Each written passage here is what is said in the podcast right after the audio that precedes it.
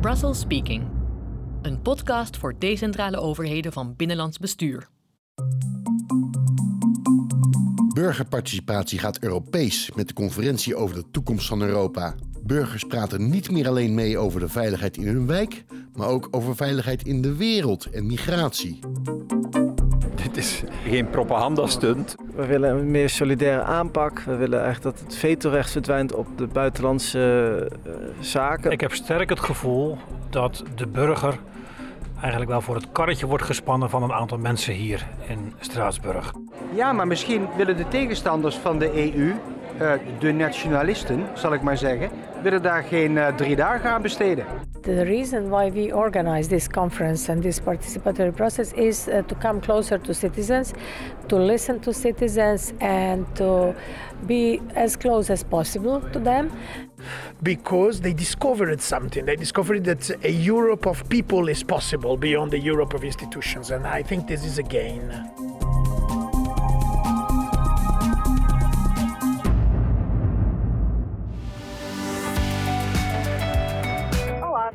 Fala Bruxelas. Γεια σας, παρακαλώ, από τις Βρυξέλλες. Hallo, hier Brussel. Brussels Speaking, een podcast voor decentrale overheden van binnenlands bestuur. Over het klimaat, digitalisering, democratie en samenwerken over de grens. Simon Trommel is onze reizende EU-correspondent. Hij haalt u informatie op in Brussel en Straatsburg en elders uit de Europese Unie. De conferentie over de toekomst van Europa is een unieke gelegenheid voor burgers om mee te praten over de toekomst van de Europese Unie. Momenteel liggen er 50 voorstellen op tafel.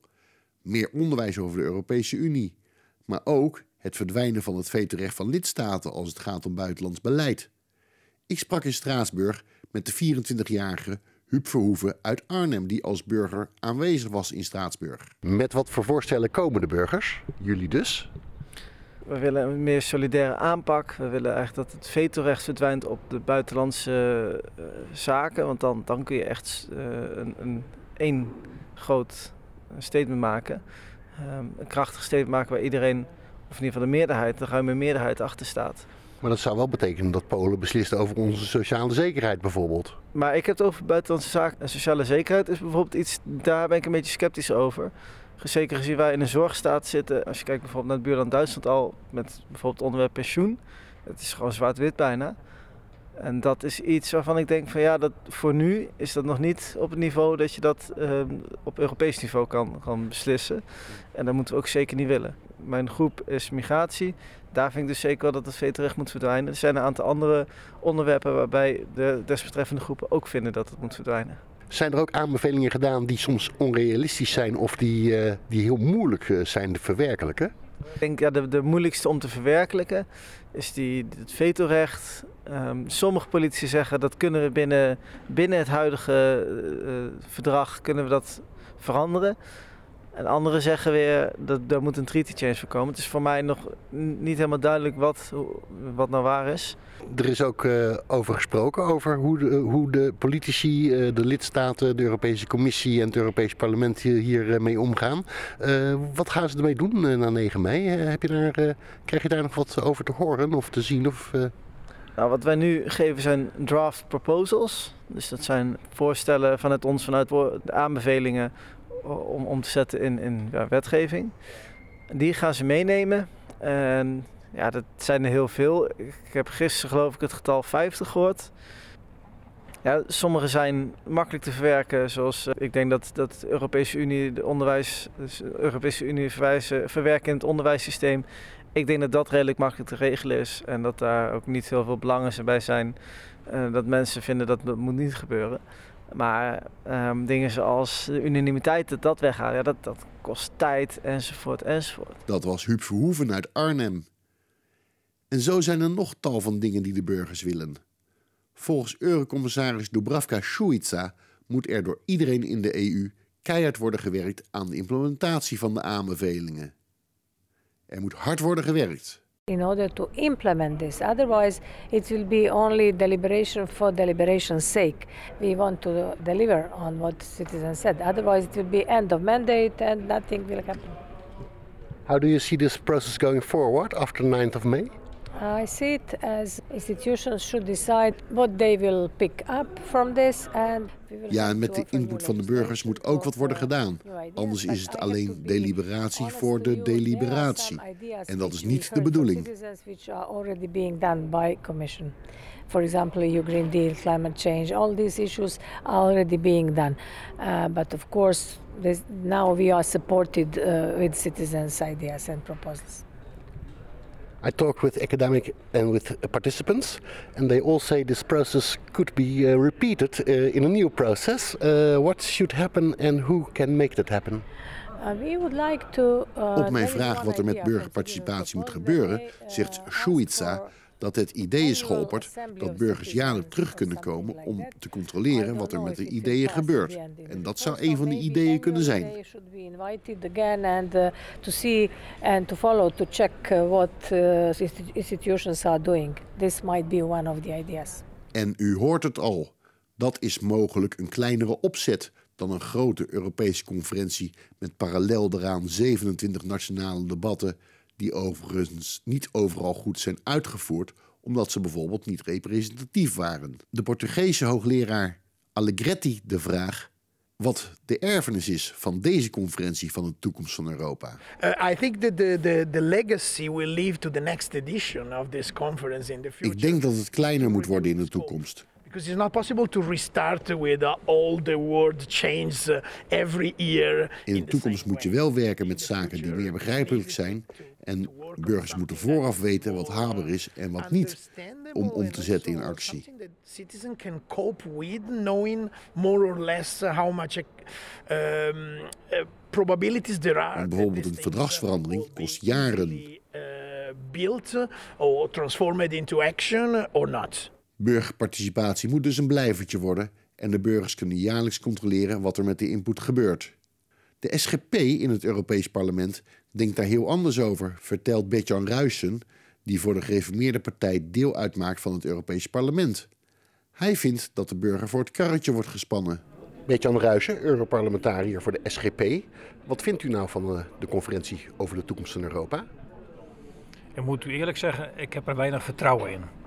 Het is uh, een heel circus wat er opgezet is met uh, heel veel conferenties hier. En mensen worden dan gevraagd een mening te geven. En op zichzelf is het natuurlijk helemaal heel goed en prima om mensen te horen en naar mensen te luisteren. Maar ik moet eerlijk zeggen, ik heb sterk het gevoel dat de burger eigenlijk wel voor het karretje wordt gespannen van een aantal mensen hier in Straatsburg. En waarom vindt u dat? Dat is gewoon de indruk die ik heb. Als ik kijk naar de opzet van de hele conferentie en ook het mandaat wat die conferentie heeft meegekregen.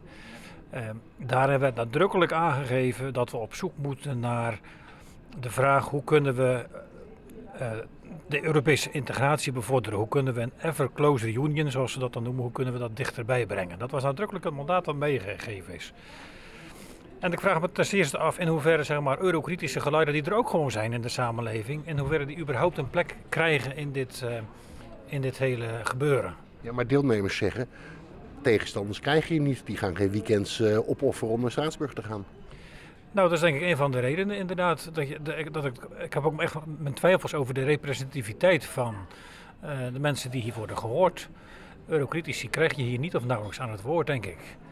Dus uh, ja, dat is voor mij wel een reden om te zeggen van nou, we moeten volgens mij de, de uitkomsten van deze conferentie best wel met een korreltje zout nemen. En dus moeten we gewoon de aanbevelingen van de burgers onder tafel schuiven? Nee, dat niet, dat niet. We moeten natuurlijk wel in gesprek blijven met de burger. Maar niet op deze manier, denk ik. Ik heb zelf ook heel vaak werkbezoeken, bijvoorbeeld. Ik, ga, ik trek ook heel vaak het land in. Um, en ik haal daar heel veel op. Um, ik krijg suggesties mee over betere regelgeving, andere regelgeving. Over knelpunten waar, ze tegen, waar mensen tegenaan lopen.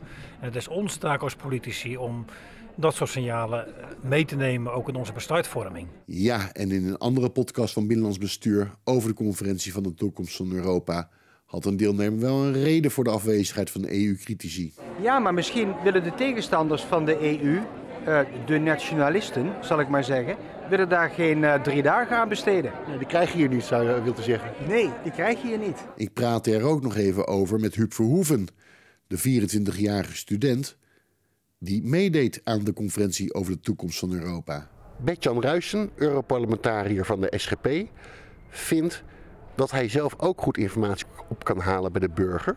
En dat zo'n grote conferentie dus eigenlijk niet echt nodig is. Wat vind jij daarvan? Ik wil niet in twijfel trekken dat Bert-Jan dat niet goed kan. Uh, wat ik wel vind is dat de opstelling van deze conferentie veel groter is dan alleen Nederland. Ik ga er niet vanuit dat Bert-Jan naar Kroatië of Polen of Hongarije gaat. Uh, om daar dus te vragen wat de burgers waarvan denken. Dus in die zin is het, is het veel groter dan dat. Uh, en door er een instelling tussen te zetten die probeert de groep divers te houden, dat, dat geeft het ook meer kracht dan uh, Bert-Jan die, nou, ik, vul maar wat in, maar misschien naar een, middelbare school gaat en daar rondvraagt. Um, dus zo, ja, zo, heb je dus ook mensen. Daarnaast heb je, is het ook maar net de vraag of jij altijd mensen vindt die um, ervoor openstaan om echt een, stem te laten horen. En hier zijn we daar min of meer ook ingelokt. En merk ik ook dat sommigen dat niet zo fijn vonden, maar uiteindelijk wel steeds hun mening gaven. Een ander kritiekpunt van hem was de representativiteit. Uh, die is niet overal uh, gegarandeerd, uh, was zijn idee. En er is vooral geselecteerd op vrouwen en op jongeren. Niet op andere sociale klassen bijvoorbeeld. Wat vind je daarvan? Zie je hier ook mensen die ja, van allerlei diverse sociale klassen bijvoorbeeld? Als ambassadeurs zie ik zeker niet een representatieve groep voor heel de, het panel. Dat wil zeggen dat de mensen die zich verkiesbaar hebben gesteld, want ja, verkiesbaar, die zich hebben gezegd van nou wij zijn wel bereid om daar aan mee te doen en daarna willekeurig zijn geselecteerd. Die, dat zijn wel over het algemeen hoger opgeleide mensen. Uh, dus in die zin is die groep niet representatief. Maar ons is niet gevraagd wat vinden wij ervan. Ons is gevraagd wat vindt het panel ervan. En dus echt als vertegenwoordiger zijn we gevraagd. Um, dus dat betekent dus ook dat de mensen die uh, dus, dus, buiten die, die groep vallen, dat die ook al zijn meegenomen. naast het feit dat die eigenlijk al mee zijn genomen in het proces van de voorstellen opzetten. Dat allemaal gezegd hebbende ben ik wel mee eens dat je merkt hier en daar dat, dat de groep uh, nog wel zeker divers had mogen zijn. Dus dat is een leerpunt voor de toekomst. Leerpunt voor de toekomst. Ik, ik gooi het op mijn kinderziekte het feit dat toen ik het telefoontje kreeg, vond ik dat klonk ook te goed om waar te zijn. En ik kan het goed voorstellen als je er nog nooit van hebt gehoord, dat het ook lastig is om, om er dan maar meteen in te gaan. Um, ik denk maar dat mensen van mijn leeftijd, ik studeer. Um, en dat doen een hoop anderen, maar zeker niet iedereen. En mensen die niet studeren, die zijn over het algemeen aan het werk. En dat maakt het alweer lastig om hier te komen. Ja, representativiteit is natuurlijk een belangrijk ding. Maar selectie van de mensen gaat in verschillende landen op een andere manier, vertelt de Portugees-Italiaanse professor Allegretti van de Universiteit van Coimbra. Je mag bijvoorbeeld in bepaalde landen geen inkomstengegevens verzamelen of andere of religiegegevens. Politici worden gesterkt door de mening van burgers, vertelt Eurocommissaris Schuiza. The reason why we organize this conference and this participatory process is uh, to come closer to citizens, to listen to citizens, and to be as close as possible to them. And uh, although there were some. Eurocommissaris Schuiza kent de klachten van sommige Europarlementariërs die zich afvragen waarom deze conferentie georganiseerd moet worden, omdat zij verkozen zijn the citizens and we are elected by them and we represent them. But we, my reply to them is. Maar, zegt ze, we worden ook gesterkt door, door de ideeën van de burgers. Een burger kan tegenwoordig niet vijf jaar wachten op de volgende verkiezing. Uh, very, very well informed, and we cannot let citizens uh, live for five years and uh, wait for next elections to be approached by us. So we have to ha to have constant dialogue with our citizens, and this is something which I think is positive and should be should be continued. How do the deliberations affect the work of the European Commission? Deliberations uh, will affect definitely. De Europese Commissie heeft ook om deze conferentie gevraagd en we vinden het belangrijk. Enter this uh, exercise, so we will have to write uh, some, offer some new legislation. Er zijn veel ideeën die om een verdragsverandering vragen en ik weet niet wat we daaraan kunnen doen, want daar gaat de Raad over, zoals u weet. What we are going to do with this because it's not uh, dependent only on European Commission. Bovendien zitten we in een complexe tijd, geopolitiek, met oorlog aan onze grens. Maar de Europese Commissie is een eerlijke makelaar.